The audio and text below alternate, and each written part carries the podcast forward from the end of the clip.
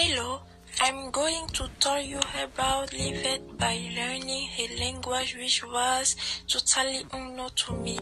I did my mother tongue which is called betty a language of Cameroonian origin. I learned to speak at the age of five because while my family spoke this language, so I asked my mother to teach me a five word like introducing her, her, herself, saying her age, grading people, a lot of Polish words.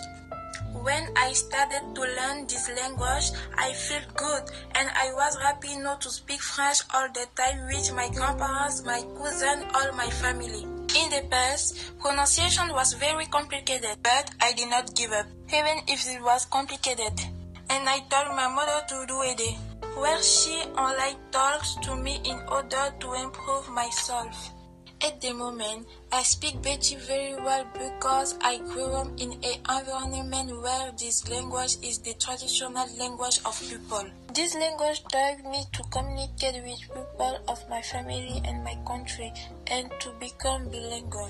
Even if I no longer live in my country of origin, I can speak this language with people who come from the same country as me, and we will be able to feel at home.